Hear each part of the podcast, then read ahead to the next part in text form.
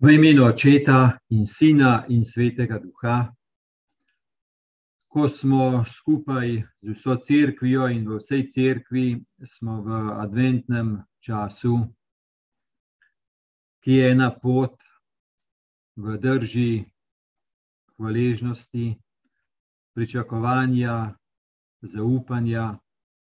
Ko smo na tej poti in ko nam crkva daje različne odlomke Božje besede, zato da hodimo to pot.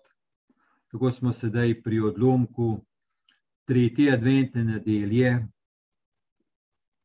iz Matejevega evangelija. In te prosimo, Gospod, naj tudi to, ta miza Božje besede, ko poslušamo Božjo besedo, naj bo del te adventne duhovne poti naj nam pomaga, nekaj dobrega stori. To te prosimo, amen. Poglejmo odlomek.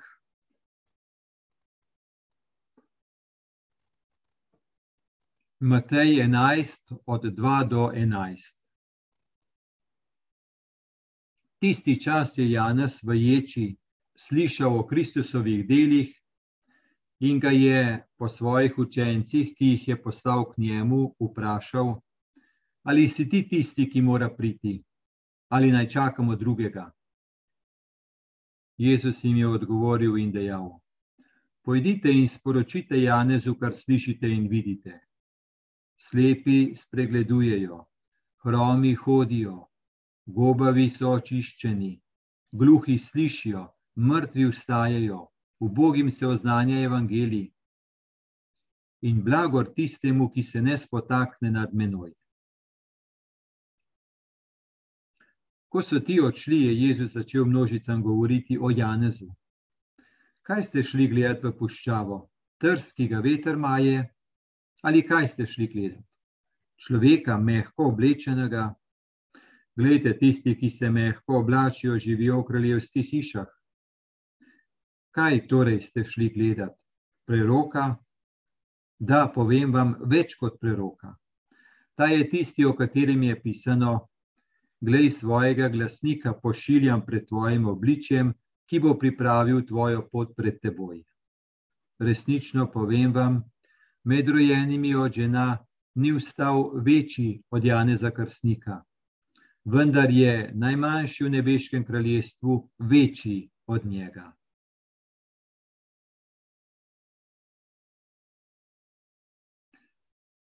No, potem, ko smo sedaj slišali ta odlomek, pa se spomnimo adventne duhovne poti skozi odlomke. Torej na prvo adventno nedeljo je bil odlomek, ki nas je vabil v držo pričakovanja in zaupanja. Potem je bil prejšnjo nedeljo, torej na drugo adventno nedeljo, smo že imeli lik Janeza Krstnika, Takrat je bil Janez Krstnik v puščavi izredno močen, jasen, direkten, tako da je njegova beseda obenem uh, peljala ljudi, da so se soočili tudi s svojo zgrešenostjo, da bi tako, torej soočeni s svojo zgrešenostjo, da bi lahko zahrepeneli po čem boljšem, po več življenja, po bolj polnem življenju um, torej s tako močno besedo jih je hotel torej soočiti z njihovo zgrešenostjo, zato da bi zahrepeneli po odrešenju. Obenem pa Janez Krstnik ni samo to delal, ampak je tudi usmerjal pogled ljudi na Kristusa, v prihajajočega odrešenika. Oboje je bil Janez Krstnik in oboje je zelo pomembno. No, torej, če smo ga prejšnjič videli Janeza Krstnika v puščavi, obkroženega s tolkimi ljudmi, tolki so prihajali k njemu iz raznih krajev, za vse imel eno močno besedo, drugače ne bi prihajali.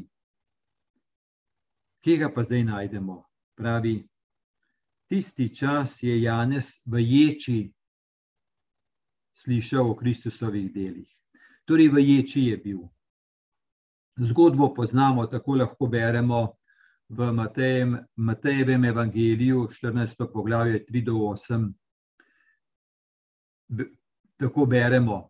Herod je namreč dal Janeza prijeti in ga ukleniti in vreči v ječo zaradi Herodijade, žene svojega brata Filipa, ker mu je Janez govoril, niti je dovoljeno imeti.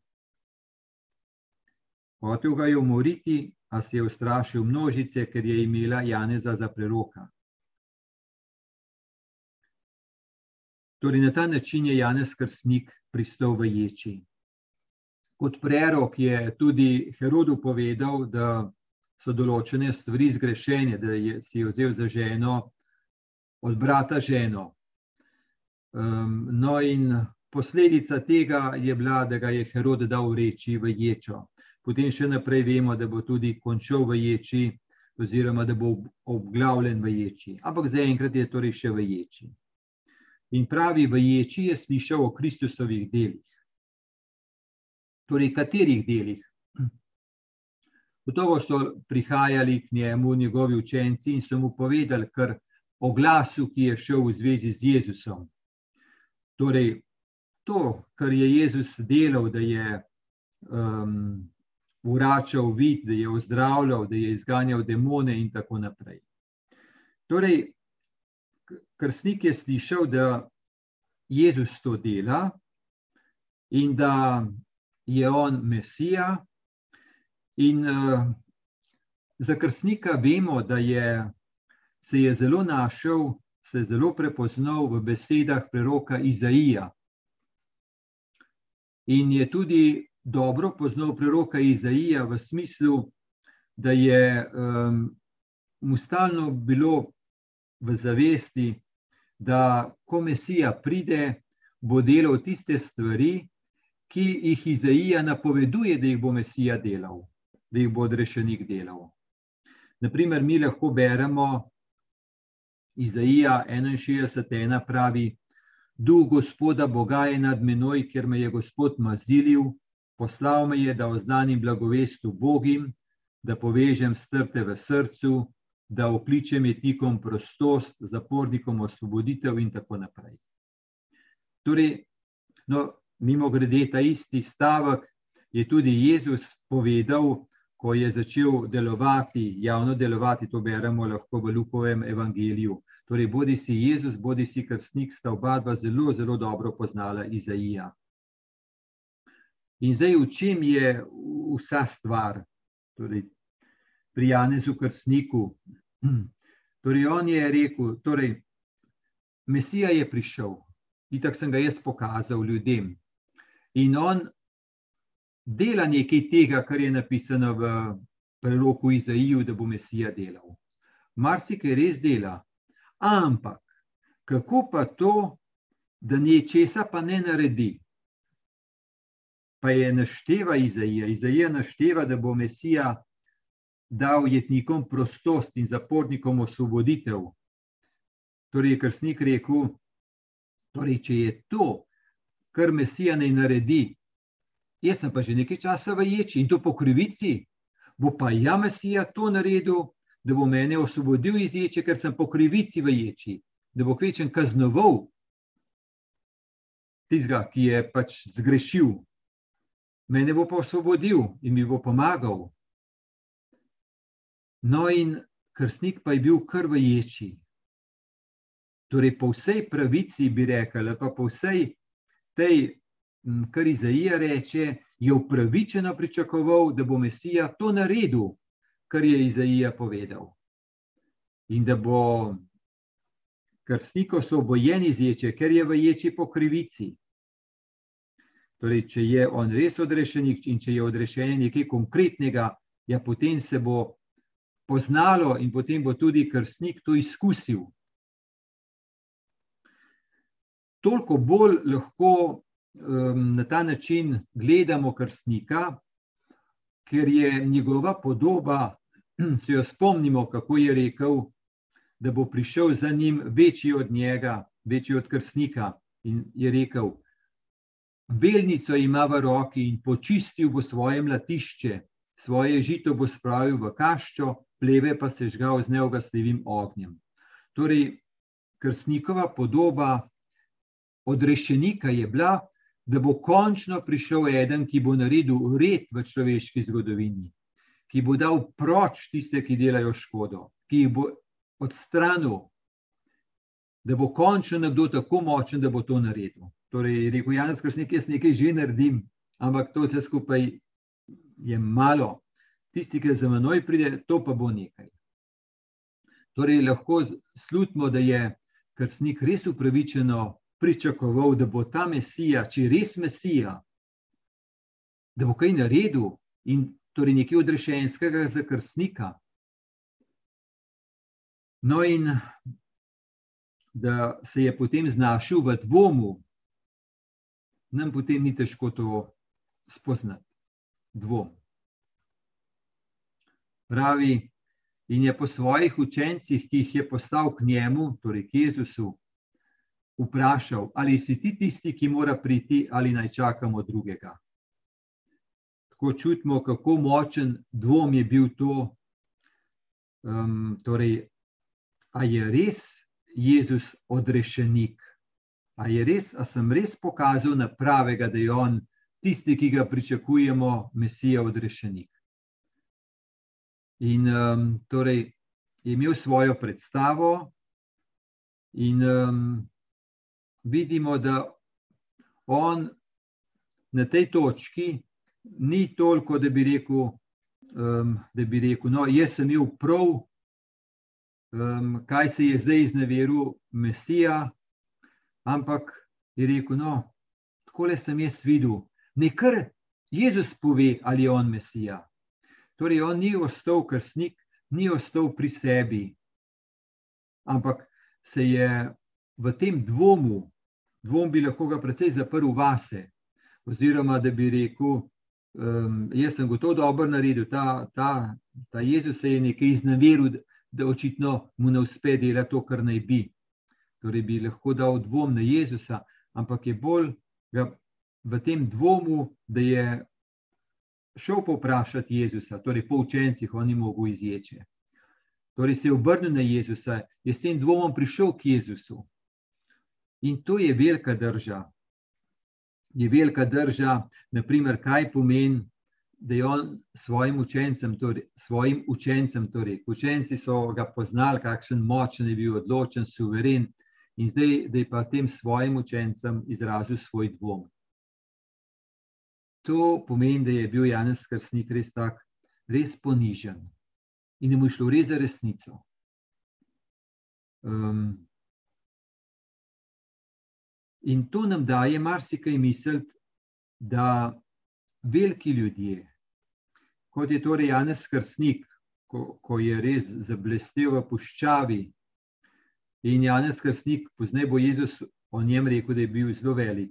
Torej, tudi taki veliki ljudje lahko gredo v določeni točki skozi hudo stisko, skozi dvom, skozi zelo temeljna vprašanja ker to vprašanje za krstnika ni bilo obrobno. To je bilo, torej on je bil poslan za to, da pripravlja pot Gospodu in da pokaže nam. In je torej ta dvom tudi zadeval njegovo življenje, da je življenje v tem smislu proč vrgu, da je izgrešil, da je mislil, da, je, da, je, da prave stvari dela in kaže na pravega in pripravlja pot na prav način, ampak da je vse zgrešil. In tudi, da je ljudi zavedel. Tako da ta dvom je bil res velik. Kot bi rekel, ena celota njegovega življenja je bila postavljena pod vprašaj. No, in to se je dogodilo človeku, ki je bil velik. Torej, to je res ena skrivnost, kako gre lahko skupaj ena veličina, ki je potem bolj notranja veličina, in pa tudi prehod skozi veliko stisko, skozi eno hudo, hudo očiščenje.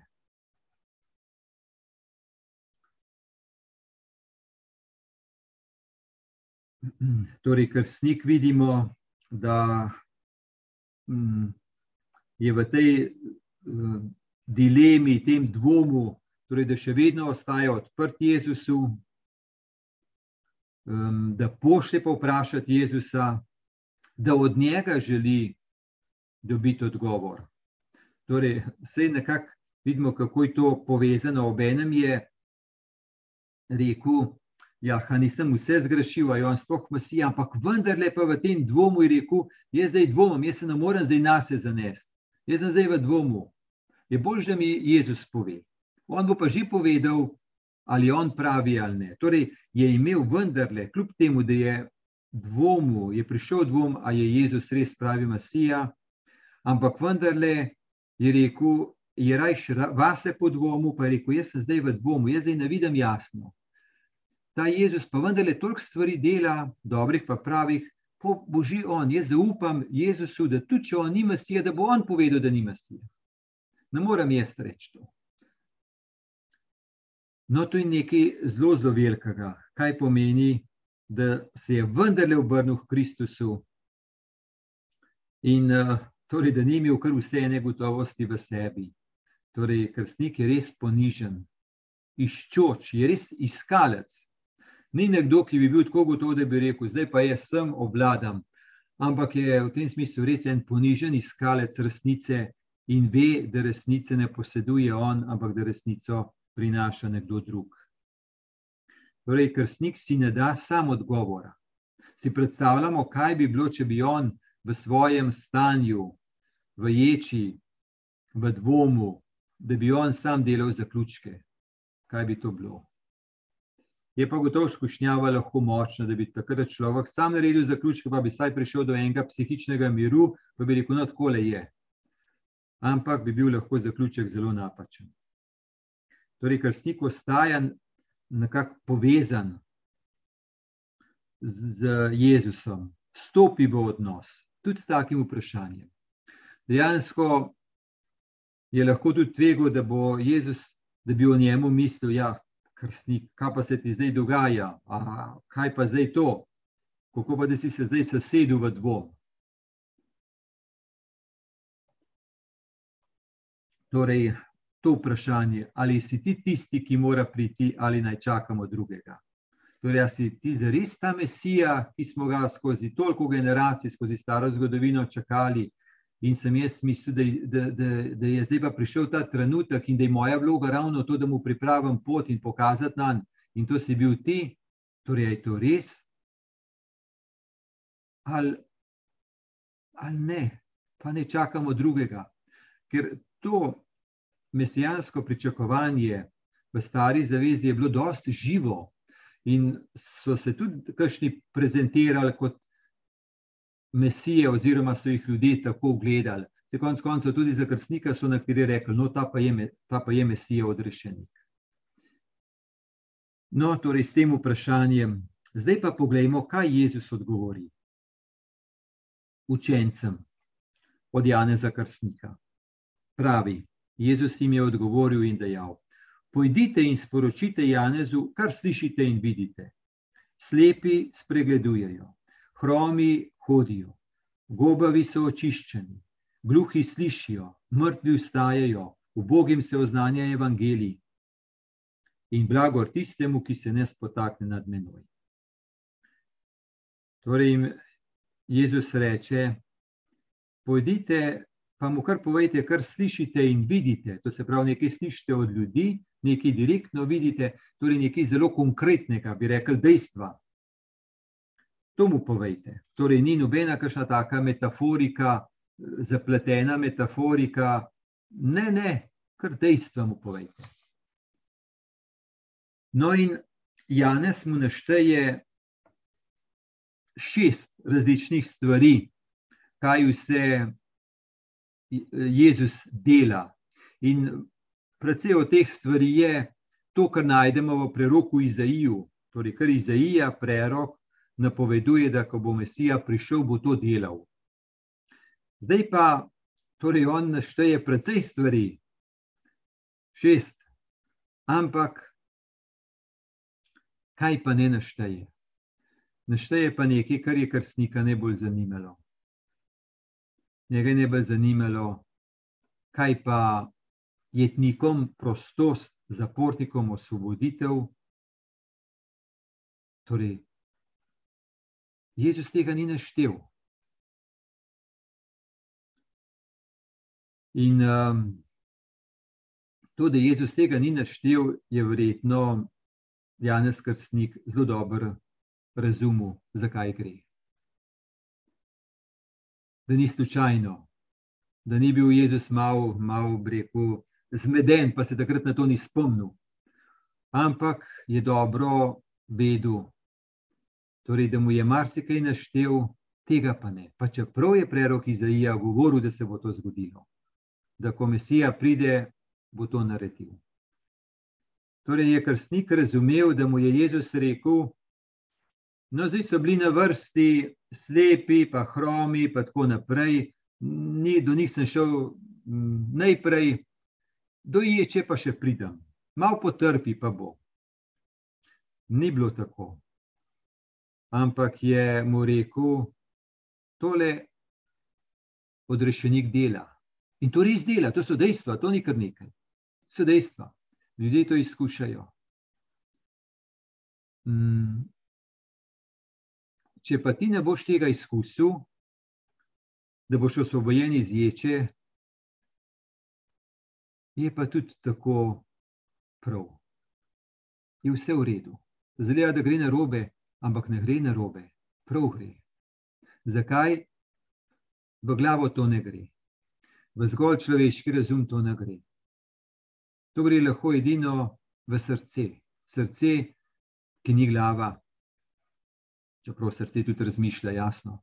Ampak srce, ki pozna zaupanje, pa vero, pa zaupanje Jezusu. Torej, kar snik rekel, no, če si pa Jezus ti tako rekel, ti veš, to jaz ne morem vedeti, ampak ti veš.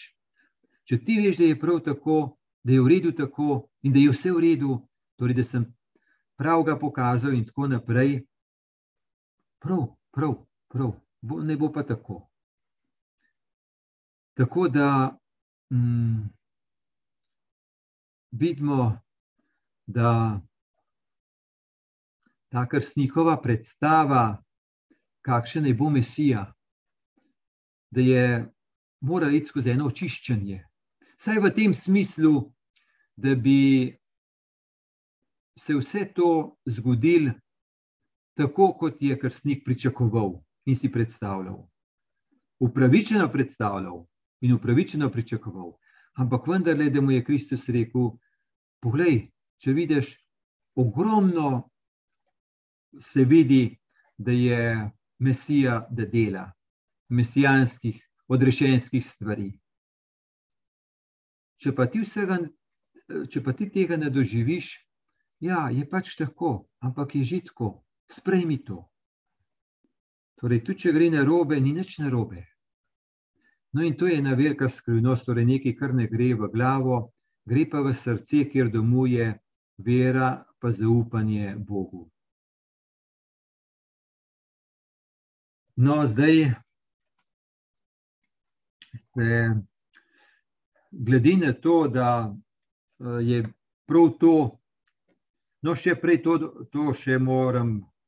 Um, ko našteva, našteje šest dejanj, um, doda pa eno sedmo, sedem je število polnosti v svetem pismu, kot vemo, doda pa to in blagor tistemu, ki se ne spotakne nad menoj. Pomeni, Mesija tole dela, ne naredili vsega tega, kar človek pričakuje, da naj bi odrešenik postoril, uredil, dal svoje, svojo polnost življenja in odrešenskost. To se pravi, da tudi če vsega tega, kar človek pričakuje, Mesija ne naredi, da bi človek eno tako polnost, odrešenosti živel, kot si jo človek želi in predstavlja. In da je res blagor tistemu, ki se ne spotakne nad tem, da ne reče: Oh, Če pa odrešenik tak, da meni ne pomaga tam, kjer ga jaz potrebujem, pojka pa je zavržen. Pom pa je že sam poskrbel, ker če mi ne pomaga v tistem, kjer ga jaz najbolj potrebujem, kaj pa poj hočem z njim. Pač bom sam na kakšen način, če drugi zmorijo, bom tudi jaz. Ne, Jezus reče, blagor tistemu, ki se ne spotakne nad menoj. No, zdaj pa, glede na to, da to vprašanje, ali si ti tisti, ki mora priti, ali naj čakamo drugega. Torej, prav to vprašanje sem jaz imel za novomašno geslo. Torej, to je že zdaj nazaj, precej let, več kot 25 let nazaj. No, pa, um, pa bom tukaj malo bolj oseben. Um, torej jaz sem, sem stopil na to pot redovništva, duhovništva, um, tako z enim pričakovanjem, z eno podobo, z eno predstavo, kako bo to šlo. In tudi to, ne, z eno predstavo, um, kako bo to, in z eno predstavo o tem, kaj bo Jezus naredil v meni in pomen, kaj bo Gospod naredil v meni in pomen. In um, torej sem hodil, ustrajal, tudi se trudil, ampak da je pa bilo nekaj takih sedov, kot sem si jih jaz predstavljal, pričakoval, želel, pa kar ne. Kar ne. In je prišel dvom, ja, kaj pa se pravzaprav zdaj dogaja. A je to sploh prava pot? Torej, moja pot, oziroma kaj zdaj ta gospod, ali mu sploh ne zaupam, se v njemu obračam, če pa določenih stvari kar ni. No, in dvom je kar močen, ne? in je kar nekaj časa bilo. In um, dokler mi ni bilo dano tako v srcu spoznati, kako velika razlika je, če jaz hočem Boga vključiti v mojo zgodbo, v moje pričakovanja, v moje potrebe, v moje predstave. Torej, to je način gledanja. Čist drugo pa je, um, kaj pa pomeni, da se dam na razpolago in se pustim vključiti v božjo zgodbo. Torej, eno je potegniti Boga k sebi, um, nekako stlačiti Boga v mojo predstavo, da bi to naredil, kar jaz pričakujem, si predstavljam in potrebujem za moje prepričanja in gledanja. Ali pa pustiti se, da me Gospod vključi, vključi v svojo zgodbo, kot On želi. To je res, ne, breko, kaj pomeni izročiti se, dati se. In to je velik prehod. No, in mm, kako je čist drug okus v srcu, temeljen okus v srcu, kaj pomeni človek, protagonist, In gospod mi pa takrat pomaga, ko meni kaj zaškriple.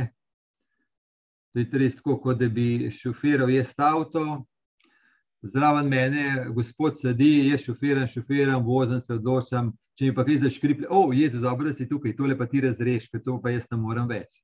To je nekaj. Ne? Kaj pa pomeni, um, to se zaupati, da, da se reče, no, gospod, ti vozi, ti bodi šofer. To je zelo drug okus in zelo druga drža v srcu. In um, tako večkrat sem premišljal, sem rekel, če se to ne bi zgodil, ta prehod ali pa se to je prehajanje, to ni kar naenkrat. Res si težko predstavljam, kako bi šlo. Tako pa hvala Bogu, to je res ena globinska skrivnost srca. No, in zato sem potem, torej po približno desetih letih redovništva, pa študija, pa to takrat na trenutku ko je nekdo posvečen in ko se odloči za to, kter, katero geslo, rečemo, je kot ena lučna pot, sem se jaz to izbral. Mnogi so se čudili, kaj je narobe, pa se rekel, meni se zdi, da ni nič narobe. Morda res je narobe, ampak meni se zdi, da ni narobe. No, ko govorimo o teh predstavah, pričakovanjih, potrebah, ki naj jih nekdo zapolni, tukaj je tudi eh, lahko pomislimo, kaj pomeni naprimer, ena podobna dinamika v zakonu. Si predstavljam, da na začetku v zakonu je marsikdaj tako, da ni, da ni težavno sprejeti zakonca. Ga spoštovati, ga ljubiti, za njim marsikaj narediti, se potruditi, in da tudi um, nekako, da prihaja ogromno ene ljubljenosti ampak se pa vendarle naredi, tako pravijo mnogi, da po enem določenem času pa ta so zakonec vendarle ni tako nekako odgovarjajoč na moja pričakovanja, predstave, želje, potrebe, kot je bilo prej. Da ni tako močen, kot je zgledal, da ni tako simpatična, pa nežna, kot je prej bila. In res pride lahko dvom, je ta sploh pravi, ali je ta sploh prava, kaj pa ne bila tista, ali pa tisti bolj pravi.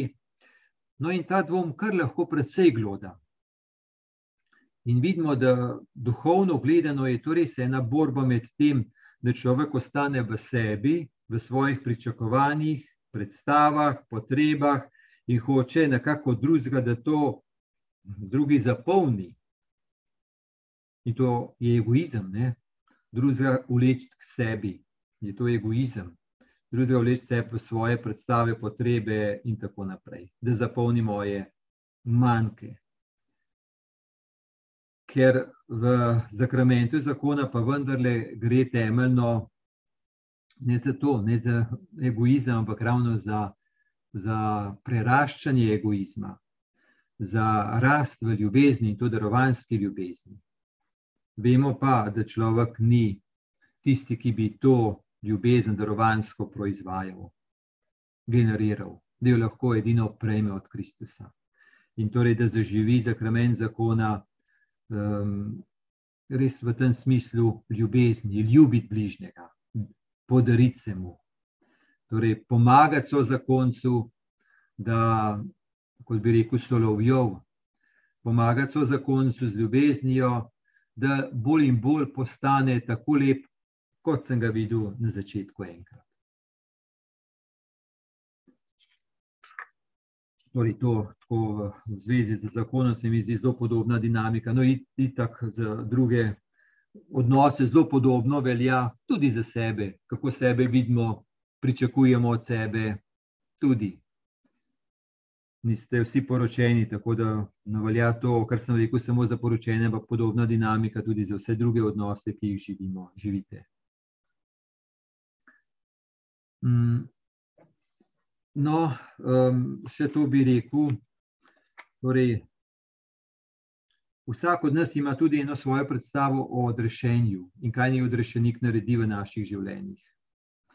Zdaj pa, če bi mi res gledali tako, da vsakdo individualistično veruje in da bi moral na vsakem posamezniku se vse uresničiti, kar Gospod govori kot odrešenik, je to zelo zožen pogled. Mi verujemo znotraj cerkve. In tako kot mi lahko verujemo zato, ker smo na svoji koži občuteno izkusili, da je Kristus resničen in živ in dejaven in da deluje odrešensko za več življenja, več odrešenega življenja. Tako pa tudi, ko slišimo od drugih, da se to dogaja, pa se na to vero opremo. To se pravi, znotraj vse cerkve je ena širina Kristusovega delovanja, ne v vsakem posamezniku, ampak vsak, v vsej širini, to pa in zato lahko verujemo. Noben ne veruje kot individualen, ampak skupaj kot crkva. Zdaj nam je ostalo še malo časa, saj kakšno besedo rečemo o tem, um, kar Jezus potem še reče. Ko so ti odšli, je Jezus začel množicam govoriti o Janezu. Kaj ste šli gledati v puščavi, v puščavo in tako naprej. Torej, tam je Jezus povedal, da ta Janez Krstnik je bil ne samo prerok, ampak en velik prerok, zaradi tega, ker je on pripravil pot Gospodu. In Jezus na koncu pravi: Resnično povem vam, med rojenimi od žena ni vstal večji od Janeza Krstnika, vendar je najmanjši v nebeškem kraljestvu večji od njega.